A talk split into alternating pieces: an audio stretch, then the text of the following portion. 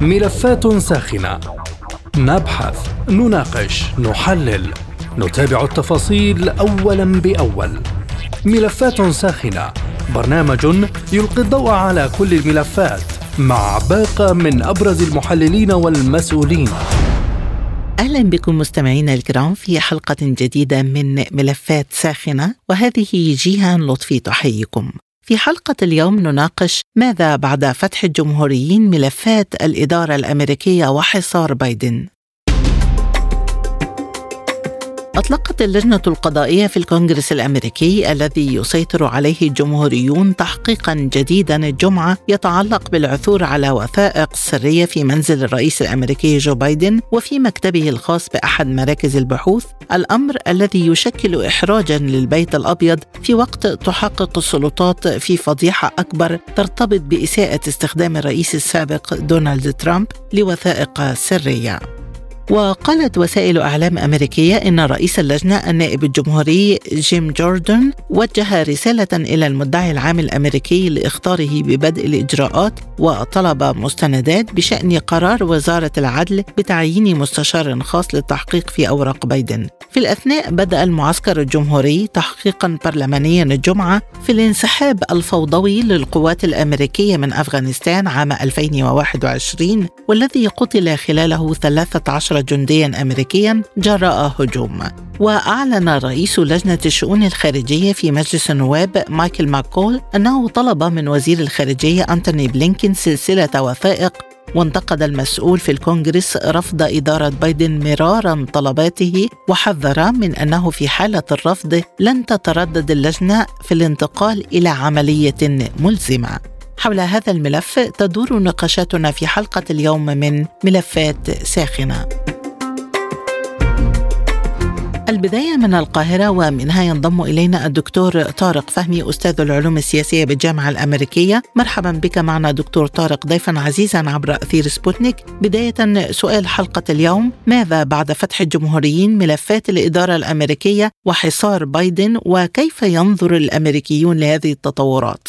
هو بالتأكيد طبعا هناك تربص جديد في الكونغرس الجديد بين الجمهوريين والديمقراطيين وسينعكس بطبيعة الحال على آليات التعامل سواء مع دول الإقليم أو حتى في القضايا الداخلية. فتح ملف الوثائق السرية التي تم التعامل معها بصورة فوضوية مثل ما أشار الجمهوريين. أعتقد انه القضية ليست فقط متعلقة بالوثائق من قبل الطرفين. أنت تعلمي أن الرئيس الأمريكي السابق أيضا متهم بقضيه مشابهة وأنه احتفظ أيضا بوثائق من الأرشيف الوطني، القضية ليست في هذا الأمر مرتبط بحالة التربص الحالية الموجودة بين الطرفين في الكونغرس، الأمر الذي قد يؤدي إلى حالة من الشلل التشريعي خصوصا أن هناك تشريعات أهم في هذا التوقيت المرتبطة بأنماط الضرائب التصاعدية والإعاشة وتقليل نسب التضخم وغيرها إضافة طبعا لحالة التجاذب بالنسبة للملفات الخارجية بشأن التعامل مع الصين ومع الأزمة الروسية الأوكرانية. وبالتالي ما نشاهده الآن هو نموذج جيد لما سوف تمضي إليه الأمور والمسارات داخل الكونغرس في ظل طبعا الاستعداد للانتخابات الرئاسية المقبلة خلال الأسابيع المقبلة. ستبدأ الخطوات الاستهلالية لهذا. وبالتالي من الواضح أن حالة التربص ستؤدي إلى مزيد من استمرار التأزم داخل الكونغرس. بالحديث عن الوثائق السرية دكتور هل تتم إدانة بايدن وكيف سيكون التعامل قانونيا مع بايدن خلال الفترة المتبقية له في الرئاسة؟ هو بالتأكيد سينقل الأمر إلى وزارة العدل ومنها أيضا تحقيق موازي للمدعي العام. إذا ثبت إدانة الرئيس في هذه المرحلة لن يكون هناك إدانة فيدرالية لأن هناك متهمين آخرين حيكونوا مشاركين معه. يعني السيناريو المباشر للرئيس بايدن مستبعد تماما. اولا لأنه كان نائبا وقتها. الأمر الآخر أن هذه هي وظيفة الجهاز البيروقراطي. ثالثا وهي متعلقة بالتعامل مع الوظائف الوثائق ذات الأهمية أو درجات السرية كما هو معلوم. وبالتالي أعتقد إنه سيوجه له اللوم في النهاية. لكن الأمر أكبر من هذا تقديري إن الأمر مرتبط بمحاولة إزاحة بايدن من المشهد. وبعد قليل ستفاجئي أن جمهور الحزب لن يدافعوا عن الرئيس جو بايدن. هناك حالة من الانقسام داخل الحزب في التعامل مع الملف بعد نقله إلى وزارة العدل. لكن في النهاية نحن أمام حالة تربص ستؤدي إلى تشويش على العملية الانتخابية ومحاولة إبعاد الشخصين سواء ترامب أو جو بايدن لاعتبارات متعلقة بالأمن القومي الأمريكي في هذا التوقيت. إذا هل ترتبط محاولة إزاحة بايدن بالتجاذب بين الحزبين أم أن الحزب الديمقراطي نفسه قرر التخلص من بايدن؟ أنا في تقديري أن الحزب الديمقراطي بالفعل قرر التخلص من جو بايدن لاعتبارات متعلقة أولا بالسن وعدم قدرته على الدخول في العملية الانتخابية المقبلة. الأمر الآخر هو أداؤه أنت تعلمين شعبية الرئيس الأمريكي هبطت بدرجات كبيرة خلال الفترة الأخيرة وسوء أداء مؤسسة الرئاسة الأمريكية. يعني الآن محل آه، نقاش كبير داخل الدوائر الأمريكية. وهل سيستطيع هذا الرئيس حتى إكمال مدته الانتخابية الحالية خلال 2024 وبالتالي الإشكالية الرئيسية هو ضخ وجوه جديدة بالنسبة للحزبين أيضا ترامب اتهم بأنه مس بقواعد الديمقراطية والليبرالية وأساء للنموذج الأمريكي بصورة كبيرة وبالتالي كان أداء الحزب في انتخابات تجديد النصف على سبيل المثال مخيبة للأمال. الرجل أضر بالحزب والحزب ليس وان مان شو متمثل في هذا الشخص الرئيس الأمريكي ترامب. وبالتالي بالنسبة للوضع داخل الحزبين الديمقراطي والجمهوري غير مستقر وهناك سعي من قبل قيادات الحزبين بالدفع بوجوه جديدة، هناك أكثر من ستة مرشحين لداخل الحزب ينافسون على سبيل المثال ترامب وبالتالي الحزب ليس هو حزب الرئيس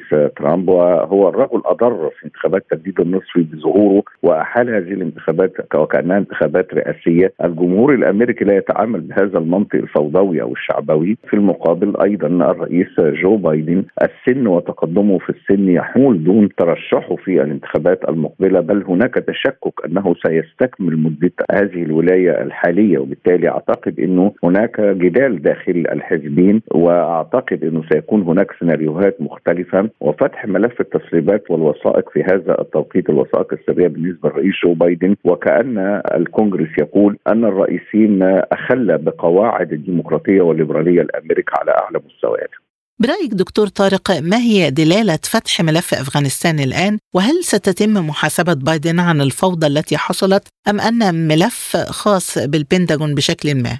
أعتقد إنه سيطول الرئيس الأمريكي لأنه وزاره الدفاع الأمريكية عليها مسؤولية استراتيجية أو عسكرية متعلقة بمسارات العمليات ليس أكثر لكن اساءه التقدير ووضع تقديرات غير صحيحة تقديرات سياسية في التعامل والتماهي مع ما طرح من المؤسسات الأمريكية الفدراليه الأخرى. ليس وزارة الدفاع ولكن أيضا الاستخبارات المركزية الأمريكية وهيئة المستشارين وبالتالي هذه الأمور حينما تفتح الآن بهذه الصورة الكونغرس الجديد يتربص بالرئيس الأمريكي ويريد أن يقول أن الهيبة الأمريكية قد مست بالفعل في الانسحاب العالم تابعه بهذه الصورة وبالتالي لابد أن تكون هناك وقفة أو مراجعة، القضية ليست محاكمه أو توجيه أدلة اتهام، لكن التعامل مع المشهد الأفغاني على كل المستويات سواء كان العسكري أو السياسي.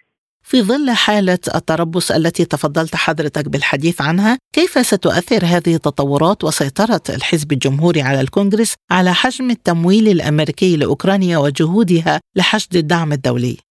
يعني لا يوجد حتى الآن برغم كل ما قيل في الكونغرس الماضي أن حجم المخصصات الأمريكية ونقل أنظمة الدفاع إلى مسارح العمليات سواء كان في الحلف أو بالقرب من أوكرانيا، أنت تعلمي خلال الساعات الأخيرة تم نقلا وإعادة موضع انتشار لقوات في رومانيا وبطبيعة الحال ستمتد إلى بولندا في ظل مسارات جديدة بالنسبة للأزمة الروسية الأوكرانية. وطبعا المدن التي تم تحريرها أو أمس واول أمس من قبل الجانب الروسي. أعتقد إنها ستكون محل أهمية كبيرة لأنه بطبيعة الحال هناك تطورات في مسارح العملية تعلمينها جيدا. تغيير القيادات العسكرية خلال الأيام الأخيرة وتصعيد قيادات جنرالات كبار في الجيش الروسي. اذا نحن أمام مفترق طرق الجانب الروسي أنا في تقديري سيغير من قواعد اللعبه خلال الفترة المقبلة وربما يغير الروس من عملية محدودة إلى عملية شاملة والدخول إلى مسارح عمليات. طبعا العمل العسكري بالنسبة بالنسبة لحلف الناتو هو يتأهب هو الآخر وهناك استعدادات عسكرية غير مسبوقة تمت خلال الساعات الأخيرة من قبل الحلف. طبعا الولايات المتحدة موجودة في خلفية الأحداث. هل ستمضي الولايات المتحدة في دعم أوكرانيا؟ ونقل ما يعرف به الأقوال إلى أفعال اتشكك كثيرا. الولايات المتحدة مرتبكة في التعامل مع الملف الاوكراني بتفاصيله الكثيرة. موضوع فرض المخصصات وتخصيصها وإرسال الأنظمة الدفاعية وتطويرها سيحتاج بعض الوقت. والولايات المتحدة كما أشرت حالة الارتباك ستكون لها ارتدادات على مسار واتجاه الأزمة الروسية والتعامل معها بكل طبعا تفاصيلها. من القاهرة الدكتور طارق فهمي أستاذ العلوم السياسية بالجامعة الأمريكية كنت معنا. شكرا جزيلا على هذه الإيضاحات. وحول وضع الولايات المتحدة على الساحة الدولية في خضم هذا الصراع الداخلي ينضم إلينا من دمشق الدكتور علي الأحمد عضو أكاديمية الأزمات الجيوسياسية مرحبا بك معنا دكتور علي وبداية هل ما يواجه إدارة بايدن مسائل قانونية أم أزمة سياسية؟ لا بطبيعة الحال آه، المسألة هي سياسية بامتياز وقد رد الرئيس ترامب الصعصاعين للرئيس بايدن فيما يتعلق بهذا الصراع. وقد قلنا أكثر من مرة أن هناك صراع في الولايات المتحدة الأمريكية وهذا الصراع اخطر ما فيه أنه هو ينسحب على واقع مجتمعي يعني يمكن أن يصل إلى انقسامات مجتمعية عميقة ليست فقط بين الأحزاب وإنما بين الكتل الاجتماعية التي تتحاذب لكلا الحزبين ولكن يمكن أن يكون لهذا الأمر تداعيات حتى على مستوى الفدراليه بشكل عام يعني الدولة بشكل عام. هناك واقع في الولايات المتحدة الأمريكية يتاصل هذا لا يعني على الإطلاق انهيار وشيك أو غير ذلك ولكن هناك أشياء يجب أن تؤخذ بعين الاعتبار في السياسة وهذا صراع كبير جدا يمكن أن يكون له تداعيات كبيرة. ولكن دكتور حمل مستندات سرية للمنازل وفساد وصراع على السلطة هذه أمور ما كانت لتحدث في دول صغيرة أو نامية، كيف وصل الحال بالولايات المتحدة إلى هذا المنعطف؟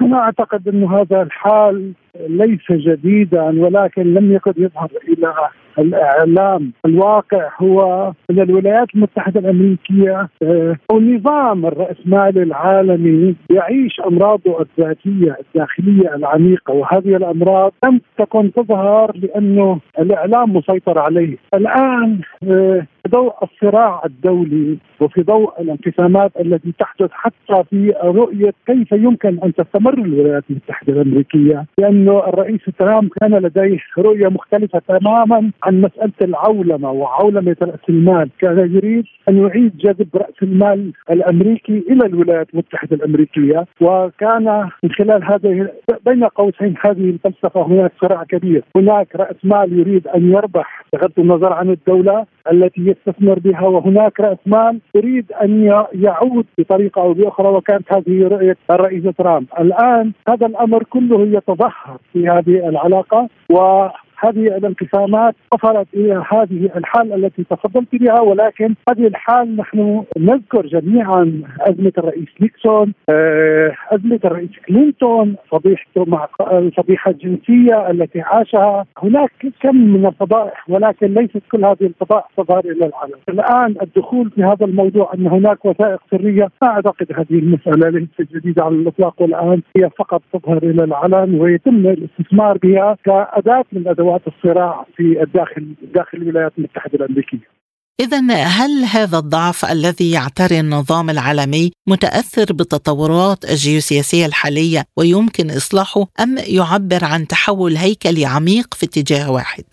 باعتقادي أنها أزمة عميقة وعميقة جدا هي صراع سببه السيولة العالية وعدم وجود رؤية آه، وقدرة على الإصلاح الذاتي، العالم بقيادة الولايات المتحدة الأمريكية استمر على منهج واحد وهو القدم ثم القدم وعدم انعكاس ذلك حتى على البنى المجتمعية في الولايات المتحدة الأمريكية على يعني عدم انعكاسهم بشكل إيجابي عليهم. فبالتالي بدأت حتى النقاشات كل المفكرين في الولايات المتحدة الأمريكية حول قدرة أمريكا على الاستمرار على هذا على هذا النحو، بالتأكيد لم تظهر قوى قادرة على حمل هذه السلة الكلية حتى هذه اللحظة، ولكن مجرد ظهور مؤشرات قوى وأقصد هنا مؤشرات قوى أقصد هنا الصين وروسيا ومجموعة دول البريكس إذا أردناها مجتمعة كلها آه، بات لديه حصة من الاقتصاد العالمي ولكن هذه الحصة لم لا يوجد لها موازي في ترجمتها إلى القرار السياسي الدولي. فبدأ الصراع الخارجي ولكن هذا الصراع الخارجي هذا الصراع بين هذه القوى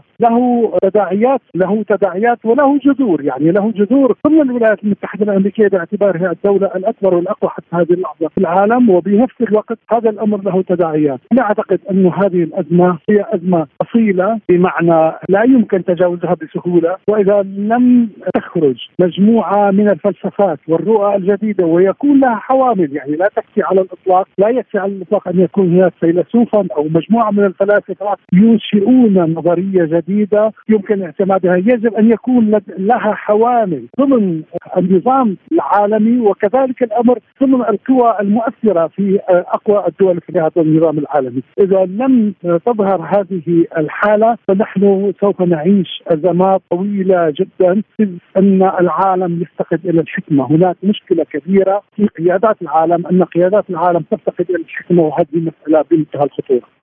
أخيرا دكتور علي في ظل صراع الكراسي في الإدارة الأمريكية كما تفضلت كيف سيؤثر هذا على تعاطي الإدارة الأمريكية مع أزمة أوكرانيا؟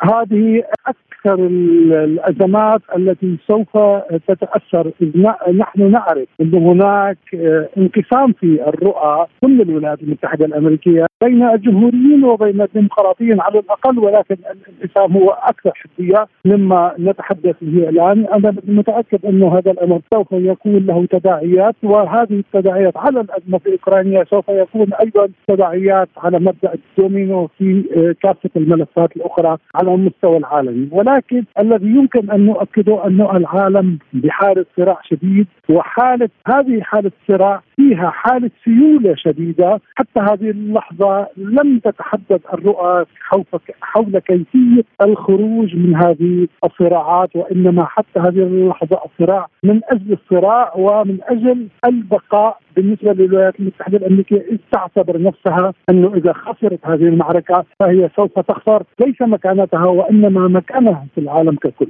من دمشق عضو أكاديمية الأزمات الجيوسياسية الدكتور علي الأحمد كنت معنا شكرا جزيلا لك إذا هل ستنجو إدارة بايدن من هذه الثنائية الجديدة أزمة الوثائق وملف أفغانستان؟ حول هذا الجانب معنا من الأردن الدكتور جمال الشلبي أستاذ العلوم السياسية بالجامعة الهاشمية أهلا بك ضيفا عزيزا عبر أثير سبوتنيك دكتور جمال بداية اعتدنا أن تكون الخلافات بين الكونغرس والرئيس متعلقة بالموازنة لماذا برأيك تطور الأمر خلال السنوات الأخيرة ليهدد منصب الرئيس؟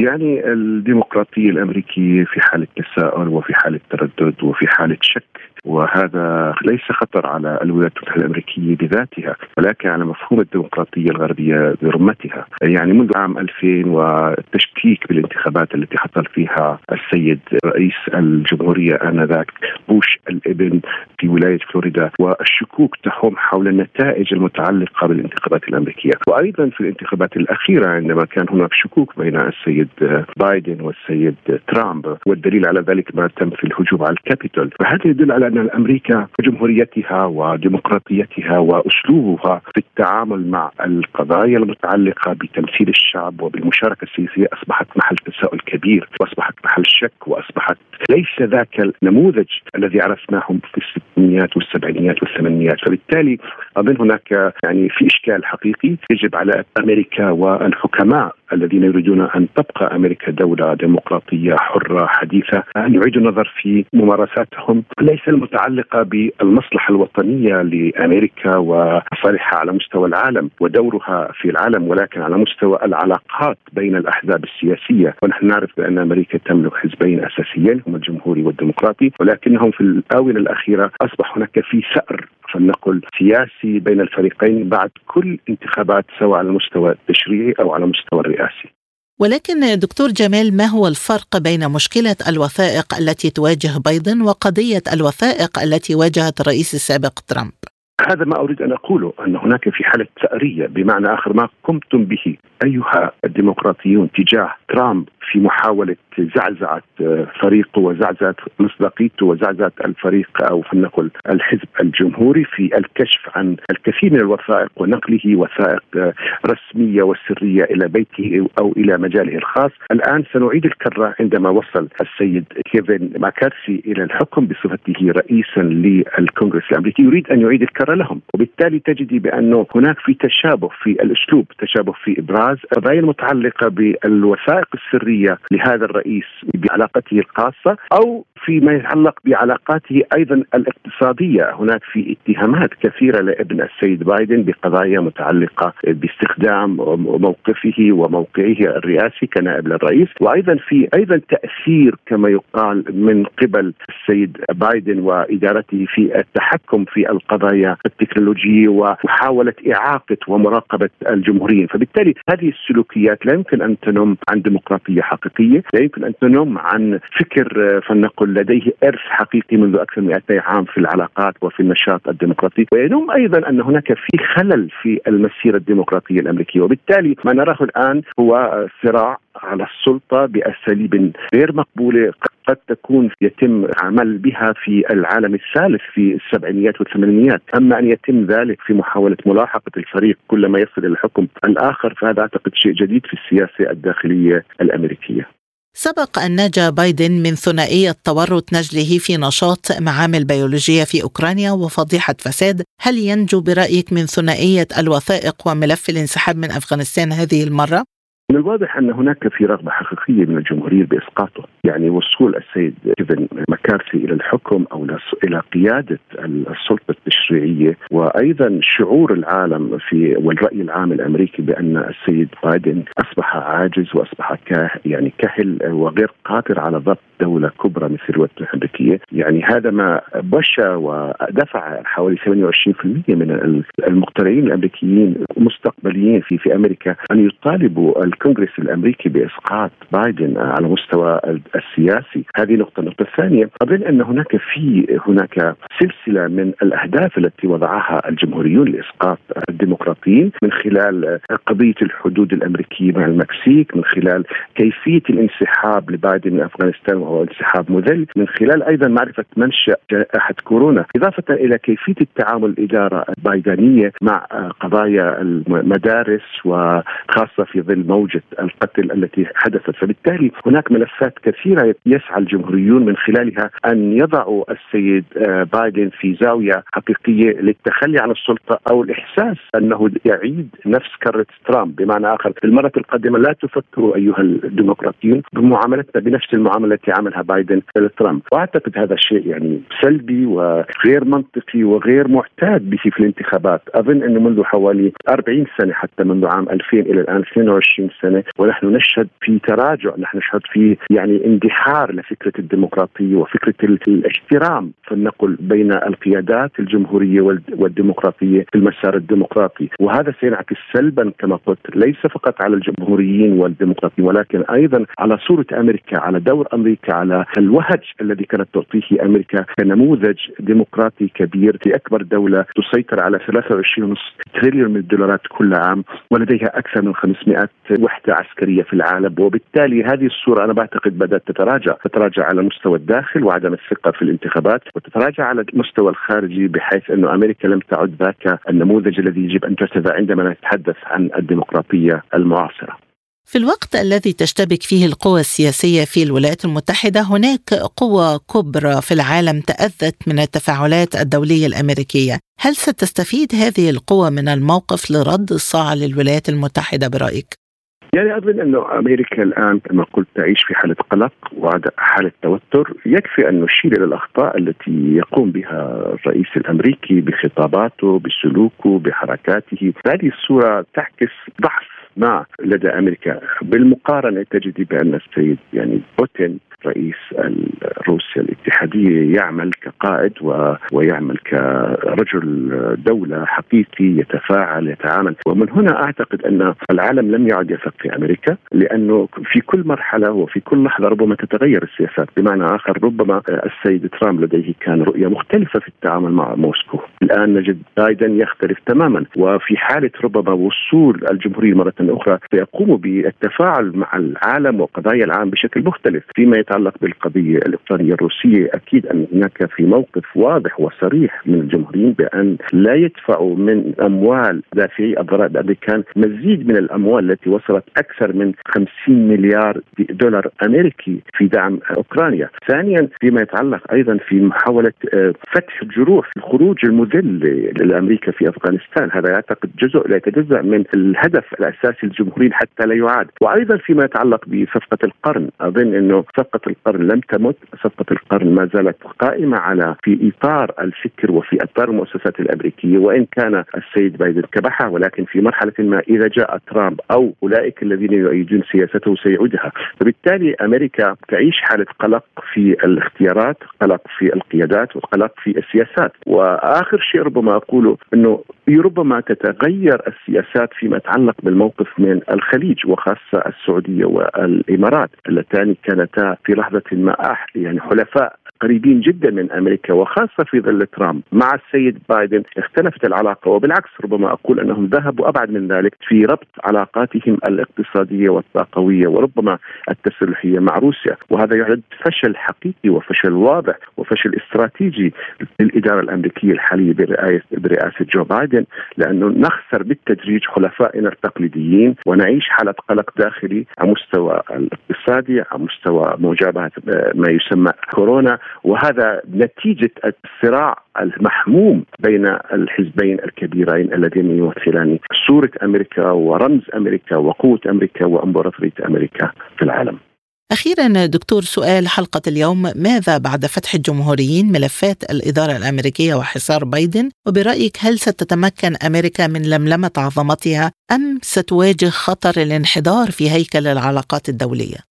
أظن أن أمريكا تعاني حقيقة من مشاكل داخلية جمة وهذا ليس مشكلة أمريكا بذاتها هذه مشكلة الإمبراطوريات. عادة الإمبراطوريات تجابه مشاكل عندما تتوسع أكثر مما ينبغي عندما تكون التكلفة الاقتصادية على مستوى العالم أكثر مما ينبغي عندما تصبح هناك مشاكل متعلقة بالإثنيات والأديان وأعتقد أن هناك في مشاكل متعلقة بين الأسود والأبيض وخاصة فيما يتعلق بالملونين. يعني قضية السياسات الأمريكية تجاه المكسيك بالرغم أنها تعتبر يعني من الدول القريبة لها يدل على أن أمريكا بدأت تعاني. القضايا الاقتصادية الديون على الدولة الأمريكية بدأت تعاني. المواقف الأمريكية من حلفائها التقليديين مثل أوروبا والخليج العربي تدل على ان هناك في تراجع. ومن هنا أقول إنه فعلا ما يحدث الآن من صراع بين الحزبين يدل على أن أمريكا دخلت في نفق كبير.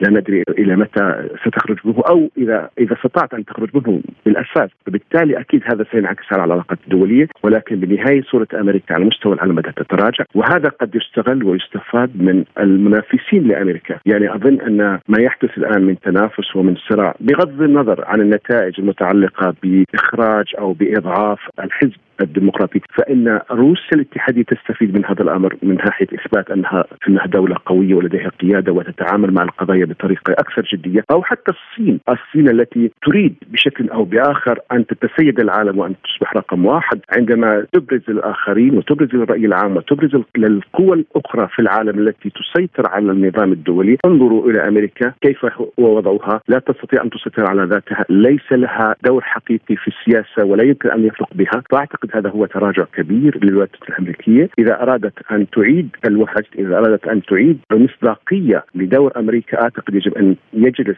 الطرفان الجمهوري والديمقراطي على طاولة مفاوضات وأن يخرجوا العلاقات الشخصية والعلاقات الذاتية الضيقة والحديث عن القضايا الحيوية والاستراتيجية للولايات الأمريكية وإلا سنبقى في حالة يعني في دائرة مغلقة ولن يكون هناك أي نتائج حقيقية لصالح أمريكا ولشعبها ولدولتها.